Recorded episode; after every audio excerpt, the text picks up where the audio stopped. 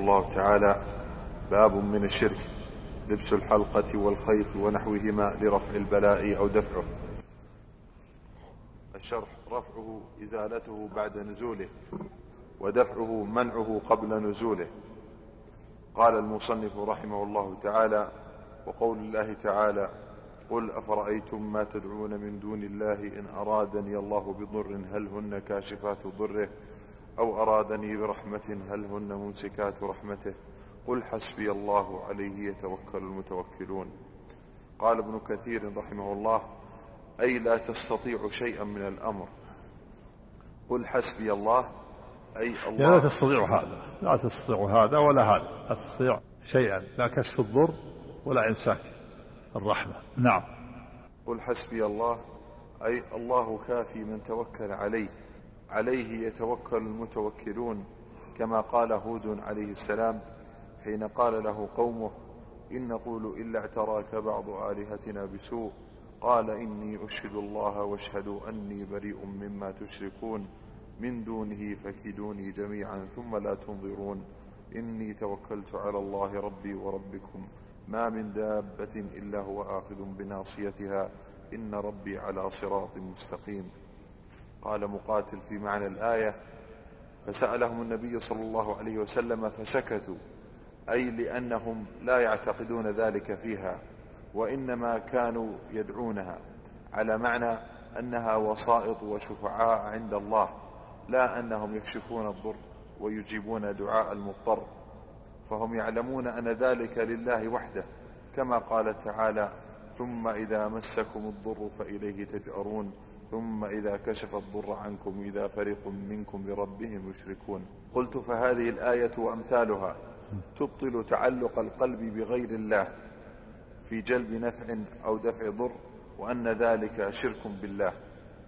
وفي الآية بيان أن الله تعالى وسم أهل الشرك بدعوة غير الله والرغبة إليه من دون الله والتوحيد ضد ذلك وهو أن لا يدعو إلا الله ولا يرغب إلا إليه ولا يتوكل إلا عليه وكذا جميع أنواع العبادة.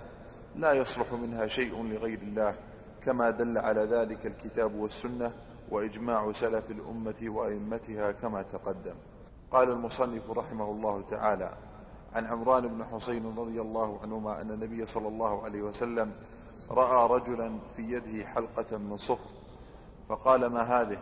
قال من الواهنة. قال انزعها فإنها لا تزيدك إلا وهنا فإنك لو مت وهي عليك ما أفلحت أبدا. رواه أحمد بسند لا بأس به.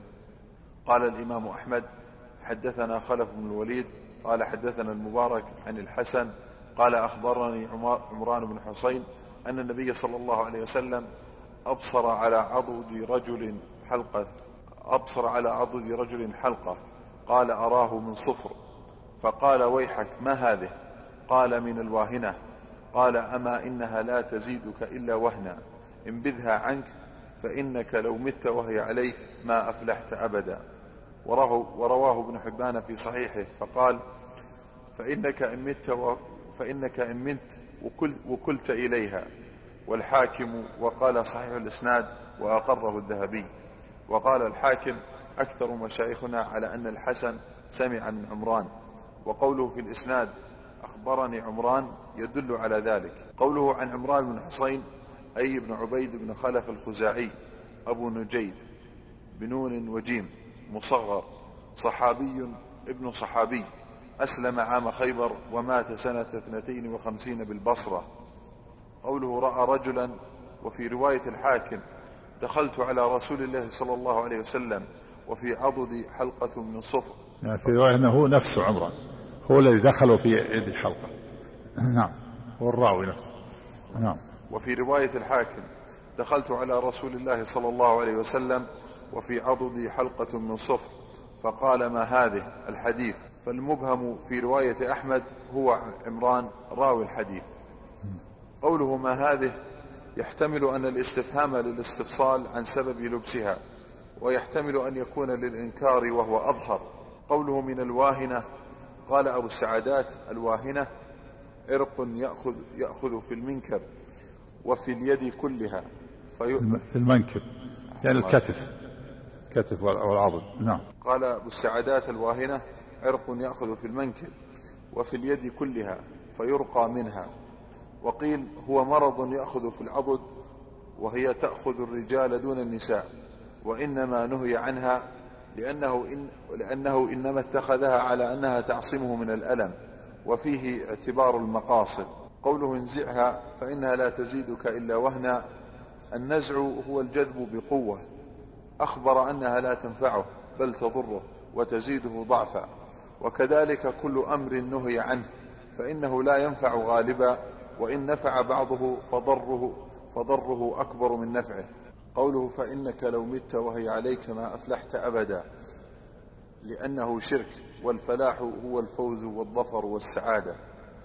قال المصنف رحمه الله تعالى فيه شاهد لكلام الصحابة أن الشرك الأصغر أكبر من الكبائر وأنه لم يعذر بالجهالة وفيه الإنكار بالتغليظ على من فعل لماذا لم يعذر بالجهالة؟ أليس الجاهل معذور؟ نعم. الجهل أقسام كما ذكر العلماء فالجاهل كما ذكر غيره الذي يمكنه أن يتعلم ولا يتعلم لا يعذر يستطيع أن يسأل ويجد العلماء. كأنه من هذا الباب والله أعلم. عمران بن حسين عند النبي صلى الله عليه وسلم. كيف يلبس الحلقة وهو ما سلم لم لم يسأل النبي صلى الله عليه وسلم. كان يمكن أن يأتي النبي صلى الله عليه وسلم قال يا رسول الله أريد أن ألبس حلقة أنا أحس بله أحس بالألم. فلذلك لم يعذر. فالجاهل الذي يمكن أن يسأل فإنه لا لا يعذر. وهناك جاهل أيضا يريد هناك جاهل يريد أن يتعلم يريد أن يسأل ولكنه ليس عنده جاهل عنده إرادة السؤال وجاهل ليس عنده إرادة. فالجاهل الذي لا يريد من الأساس لا يريد أن يسأل فإنه لا يعذر. حتى ولو لو أراد السؤال ولم يجد فهو معذور لأن بسبب أنه لا يوجد عنده إرادة. وهناك جاهل يريد أن يسأل وسأل ولكنه لم يجد ولا استطاع أن يهتدي هذا معذور. أما الجاهل الذي لا يريد أن يسأل فهذا غير معذور حتى ولو لم يكن عنده أحد يسأله. والجاهل الذي يمكنه أن يسأل ولم يسأل حتى ولو كان عنده إرادة يحب الخير يحب أن يعلم لكن ما سأل. رحمك الله فهذا غير غير معذور أيضا. ما دام أنه يمكنه أن يسأل ويستطيع أن أن يصل إلى العلم. فيكون الجهل على هذا ثلاثة أنواع على هذا. جاهل يستطيع أن يسأل وهو يريد أن أن يسأل بس تساهل تكاسل. رحمك الله من باب الكسل. ولو سأل لوجد من يفتيه. هذا غير معذور. النوع الثاني جاهل. يريد. لا لا يريد أن يسأل. ولكنه لو لو أراد ما وجد أحد. لكن ما يريد ما عنده إرادة. هذا غير معذور وجاهل آخر يريد أن يسأل. وسأل وبحث وسأل ولم يجد. هذا معذور نعم. ولعل النبي صلى الله عليه وسلم لم يعذر عمران لأنه لأنه لأنه عند عند النبي صلى الله عليه وسلم. كيف يلبس ولم يسأل؟ فلم يعذر بالجهالة في هذه الحالة. نعم. في أيضا عندكم التعليق للشيخ محمد عثيمين في هذا على هذا. في عندكم هذا؟ سمعت أن الشيخ علق عليها بأنه معذور في هذا أو كذا. تعرض للجهالة في هذا. وفيه الإنكار بالتغليظ على من فعل مثل ذلك. نعم. من فعل هذا من تعلق حلقه خيط ويستطيع أن يسأل يغلظ عليه. نعم. قوله رواه أحمد بسند لا بأس به.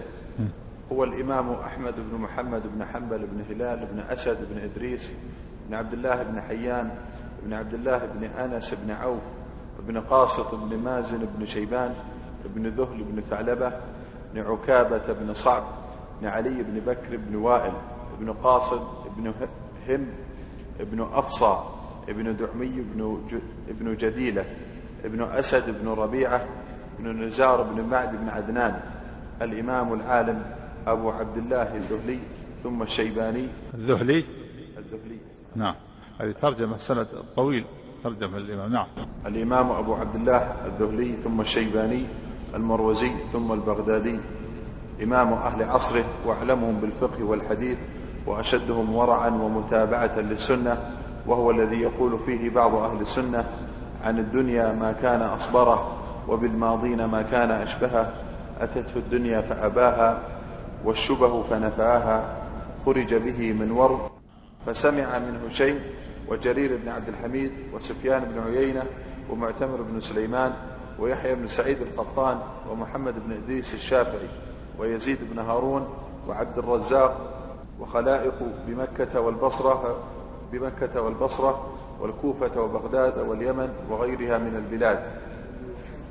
روى عنه ابناه صالح وعبد الله والبخاري ومسلم وأبو داود وإبراهيم الحربي وأبو زرعة الرازي وأبو زرعة الدمشقي وعبد الله بن أبي الدنيا وأبو بكر الأثرم وعثمان بن سعيد الدارمي وأبو القاسم البغوي وهو آخر من حدث عنه وخلائق.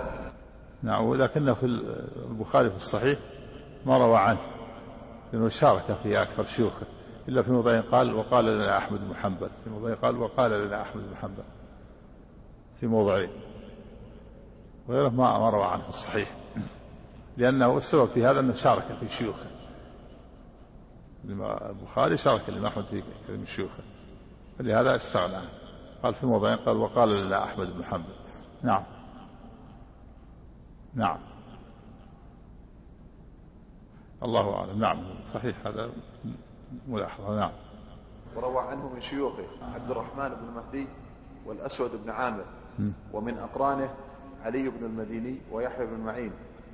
قال البخاري مرض أحمد لليلتين خلتا من ربيع الأول ومات يوم الجمعة لاثنتي عشرة خلت من لاثنتي عشرة خلت منه. وقال حنبل مات يوم الجمعة في ربيع الأول سنة إحدى وأربعين ومائتين وله سبع, وسب وله سبع وسبعون سنة.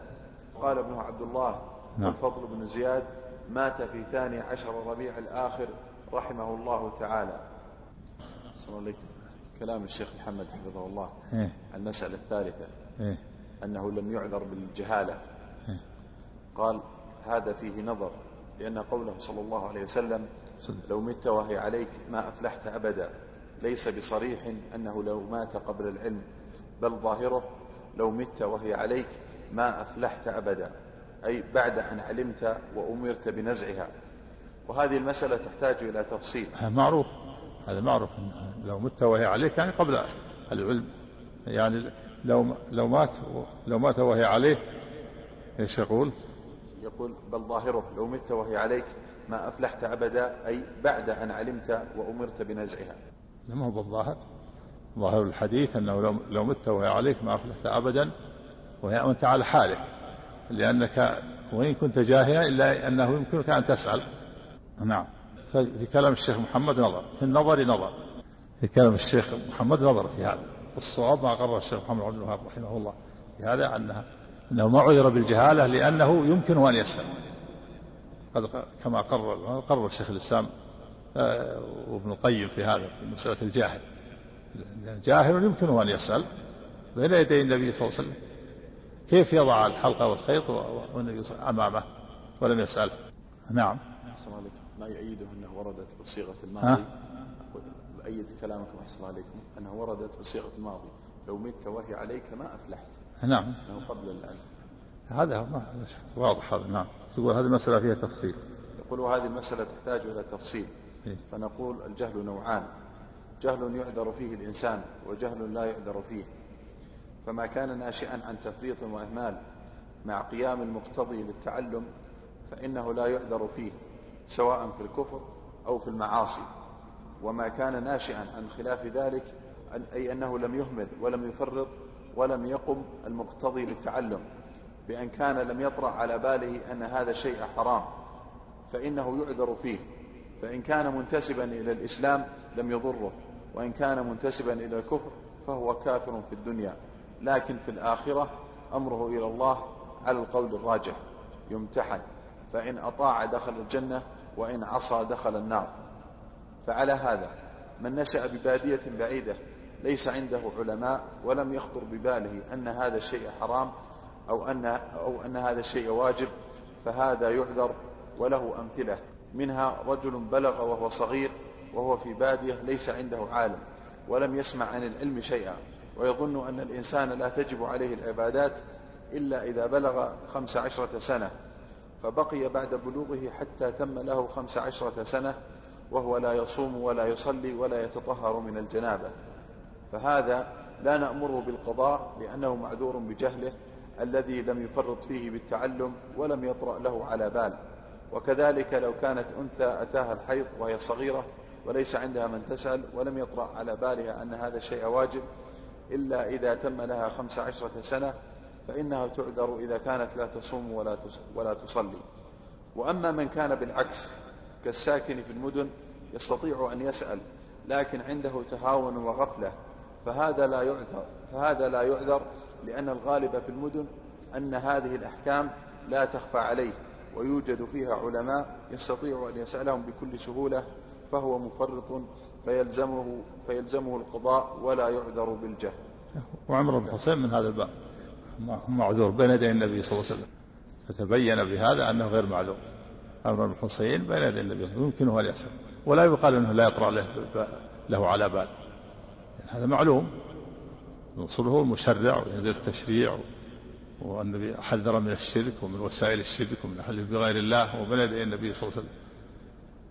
ولهذا قال لهم ما أفلحت أبدا لأنه وإن كان جاهلا إلا أنه يمكن أن يسأل النبي صلى الله عليه وسلم.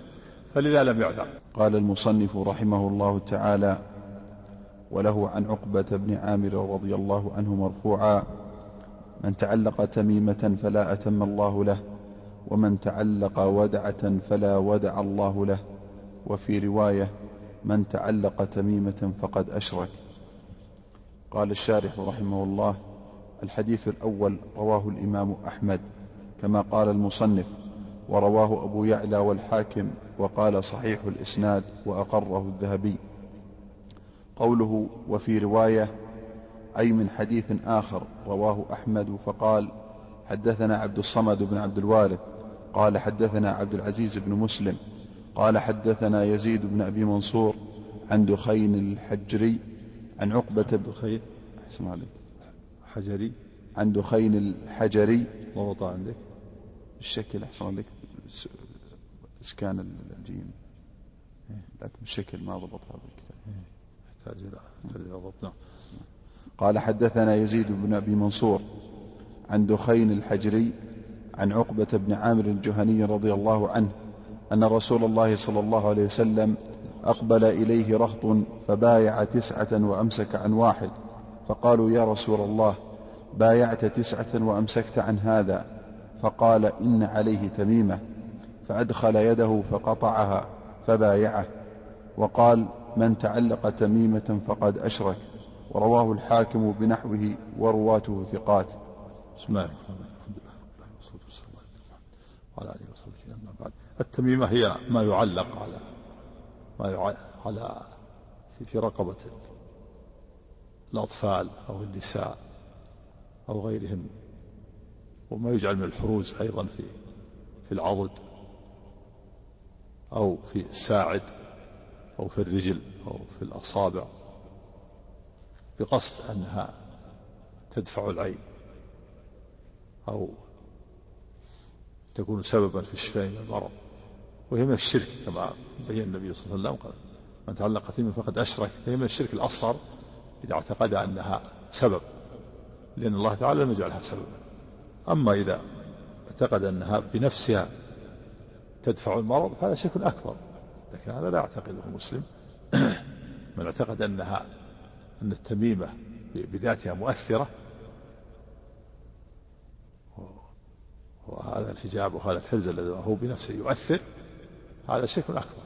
لكن من اعتقد أنها سبب والشافي هو الله فهذا من الشرك الأصغر لأن لأن الله لم يجعلها سببا. وسواء كانت هذا هذا الحرز أو هذا الحجاب سواء كان من خيوط أو أو شعر أو جلد أو يكتب أو كتاب يكتب فيه آيات من القرآن أو غيره.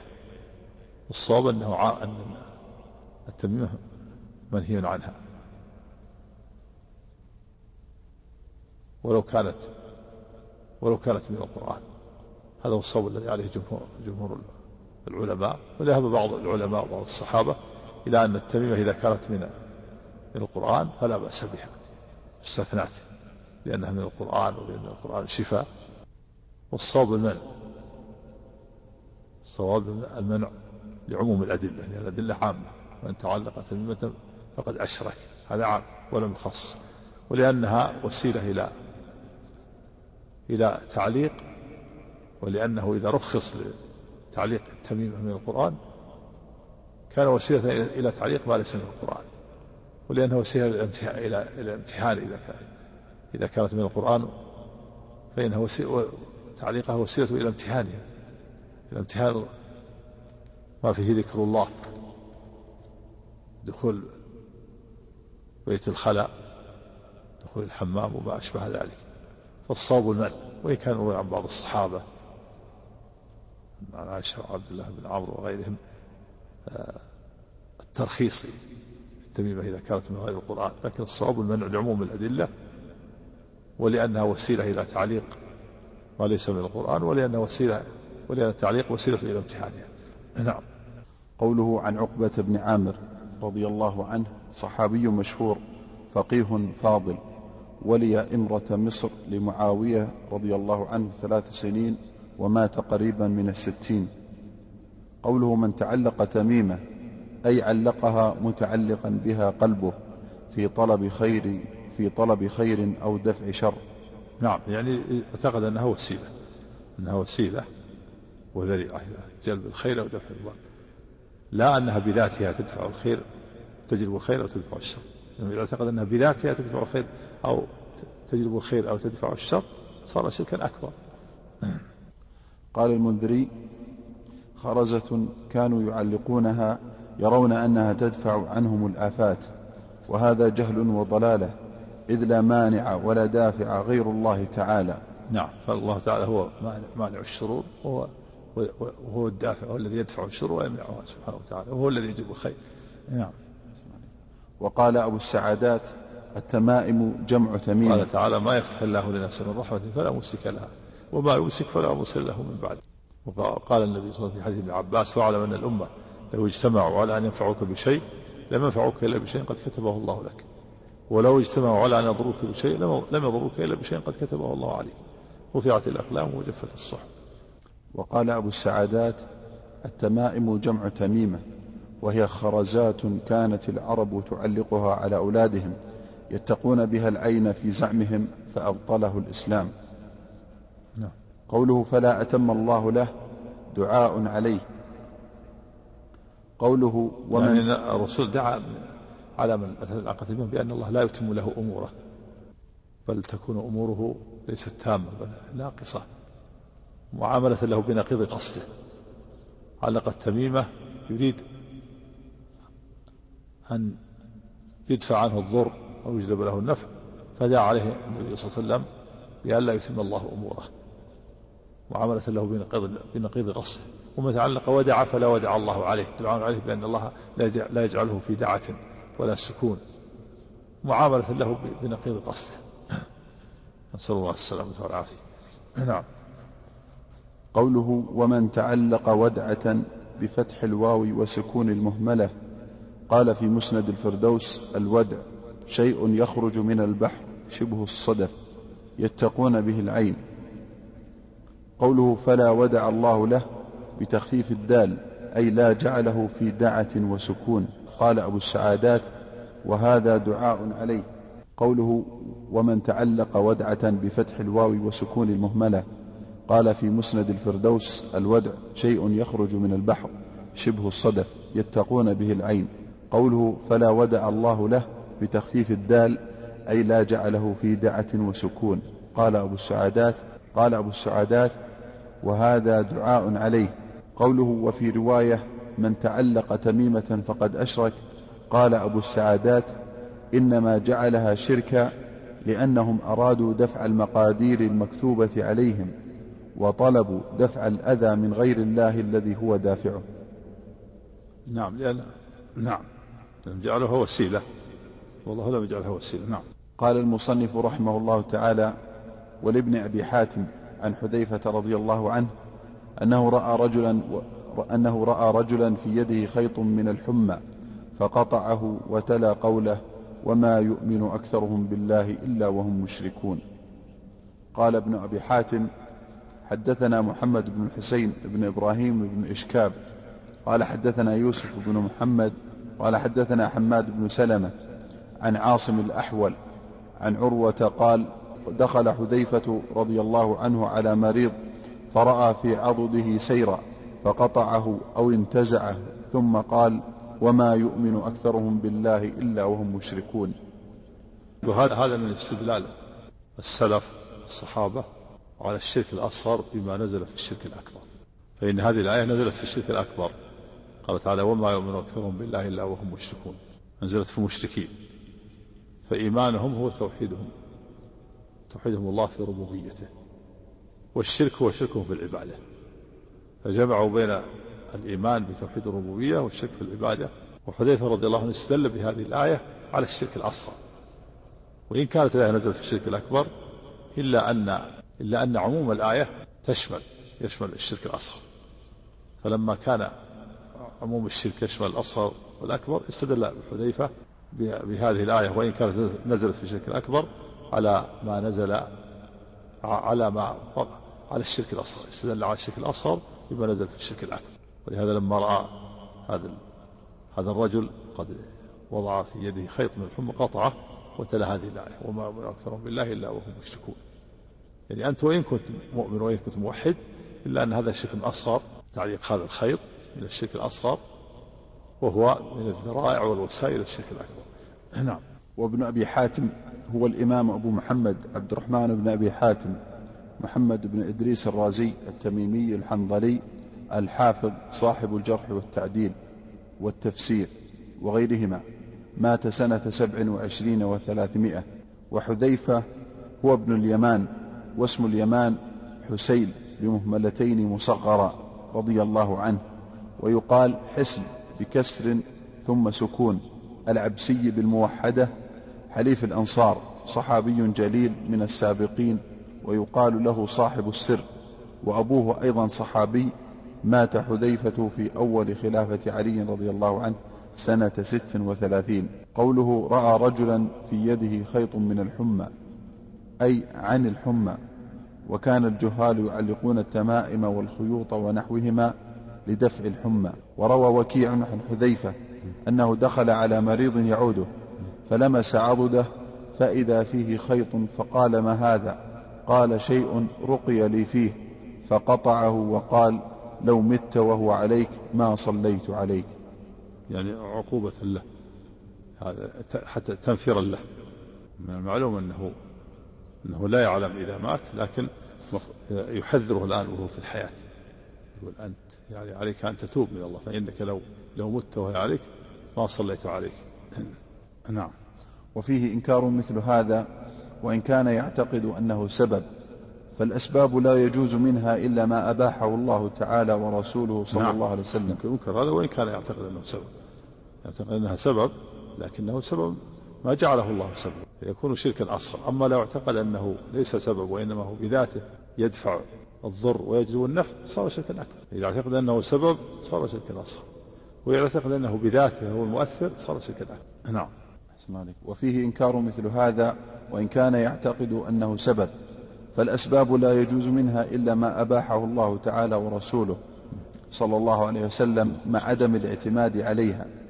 وأما التمائم والخيوط والحروز والطلاسم ونحو ذلك مما يعلقه الجهال فهو شرك يجب إنكاره وإزالته بالقول والفعل وإن لم يأذن فيه صاحبه. نعم. يجب يعني إنكار المنكر بالفعل كما فعل حذيفة رضي الله عنه. إلا إذا ترتب على هذا مفسدة يخشى يكون مفسدة أكبر يرفع به إلى ولاة الأمور حتى يزالها ينكر هذا المنكر. نعم. حسن عليك. الآن ما يعلق في غير الجسم مثل ما يعلق بعضهم على السيارة أو في البيت أو عند الباب أو كذا يكون حكمه حكم. نعم كذلك كذلك إذا اعتقد أنه سبب ما يفعل بعض الناس في السيارة يجعل شيء جلد جلد ذئب أو بعضهم يجعل مصحف يعتقد أنه أنه سبب في في وقايته صار من جنس له حكم حكم التميمة. نعم. أو يجعل في الغرفة كذلك إذا اعتقد أنه سبب. نعم. وإن المصحف يقرأ الإنسان القرآن القرآن من المصحف ويتدبر ويتأمل ما يجعله المصحف حرز. نعم. قوله وتلا قوله وما يؤمن أكثرهم بالله إلا وهم مشركون. استدل حذيفة رضي الله عنه بالآية أن هذا شرك. ففيه صحة الاستدلال على الشرك الأصغر بما أنزله الله في الشرك الأكبر لشمول الآية. نعم يشمل الآية النوعين الشرك الأكبر والأصغر. عموم الشرك يشمل النوعين. نعم.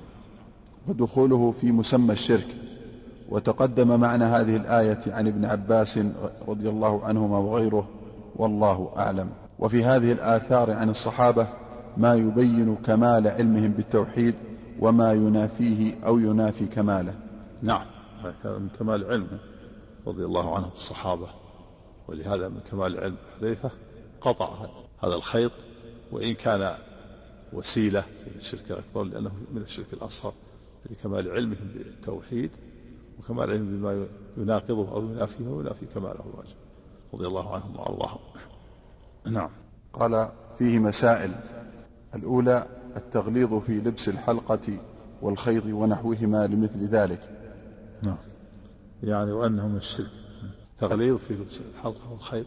ولهذا غلظ النبي صلى الله عليه وسلم على هذا الرجل الذي في يده حلقة من سور قال انزعها فإنها فإنك لو مت وهو عليك ما أفلحت أبدا. غلظ. وذلك لأنه وإن كان جاهلا إلا أنه يمكنه السؤال. نعم. الثانية أن الصحابي لو مات وهي عليه ما أفلح فيه شاهد لكلام الصحابة أن الشرك الأصغر أكبر من الكبائر. نعم. أكبر من الكبائر لأن الله سماه شركا. فهو أكبر بخلاف الكبائر فلم يسمى شركا. ولهذا قال بعض العلماء إن الشرك ولو كان أصغر فلا يغفر بخلاف الكبائر فإنها تحت المشيئة. الثالثة أنه لم يعذر بالجهالة. نعم لم يعذر وذلك لأن الجاهل إذا كان يمكنه أن يسأل فلا يعذر. أما إذا كان لا يمكن أما إذا كان لا يمكنه أن يسأل وهو يريد الفائدة ولكنه لم يجد أحدا يسأله أو أو لم يدر في في خلده وذهنه أن هذا الشيء محرم ما يعلم. حتى يسأل عنه. فهذا معذور. أما إذا كان جاهل ويمكنه السؤال فلا يعذر لا بد أن يسأل. نعم.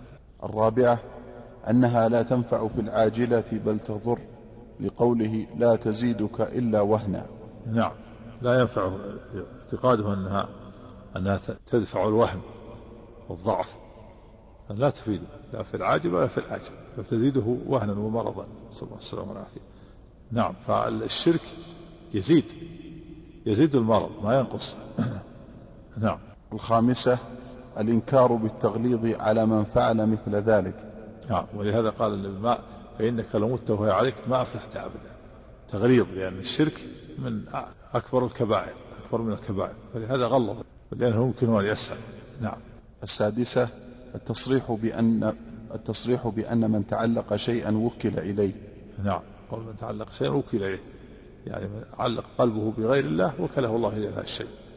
ومن علق قلبه بالله كفاه الله ما أهمه من أمر دينه ودنياه. نعم. السابعة التصريح بأن من تعلق تميمة فقد أشرك. نعم. التصريح بأن تعليق التميم شرك ومن الشرك الأصغر. وهذا صريح في الحديث. نعم. الثامنة إن تعليق الخيط من الحمى من ذلك. نعم. تعليق الخيط لدفع الحمى من من التميمة المنهي عنها كما فعل حذيفة حينما قطع هذا الخيط الذي في عضد الرجل وتلا الآية. نعم. التاسعة تلاوة حذيفة رضي الله عنه الآية دليل على أن الصحابة يستدلون بالآيات التي في الشرك الأكبر على الأصغر كما ذكر ابن عباس في آية البقرة. نعم. هذا دليل على أن الصحابة يستدلون على الشرك الأصغر كتعليق الخيط والتميم بما نزل في الشرك الأكبر وهي الآية. نزلت في الشرك وما يؤمن أكثرهم بالله إلا وهم مشركون. ومثل ما فعل ابن عباس في آية البقرة فلا تجعلوا لله أندادا وأنتم تعلمون. استدل ب استدل بهذه الآية على التنديد الأصغر. وهو أن تقول والله وحياتك يا فلان وحياتي. وتقول لولا كلمة هذا لا اللصوص ولو البط في الدار لا اللصوص ولولا الله فلان لا تجعل فيها فلان. هذا كله به شرك هذا كله من الشرك الأصغر. والآية في الأندية فلا تجعل الله أندادا. أندادا شرك أكبر.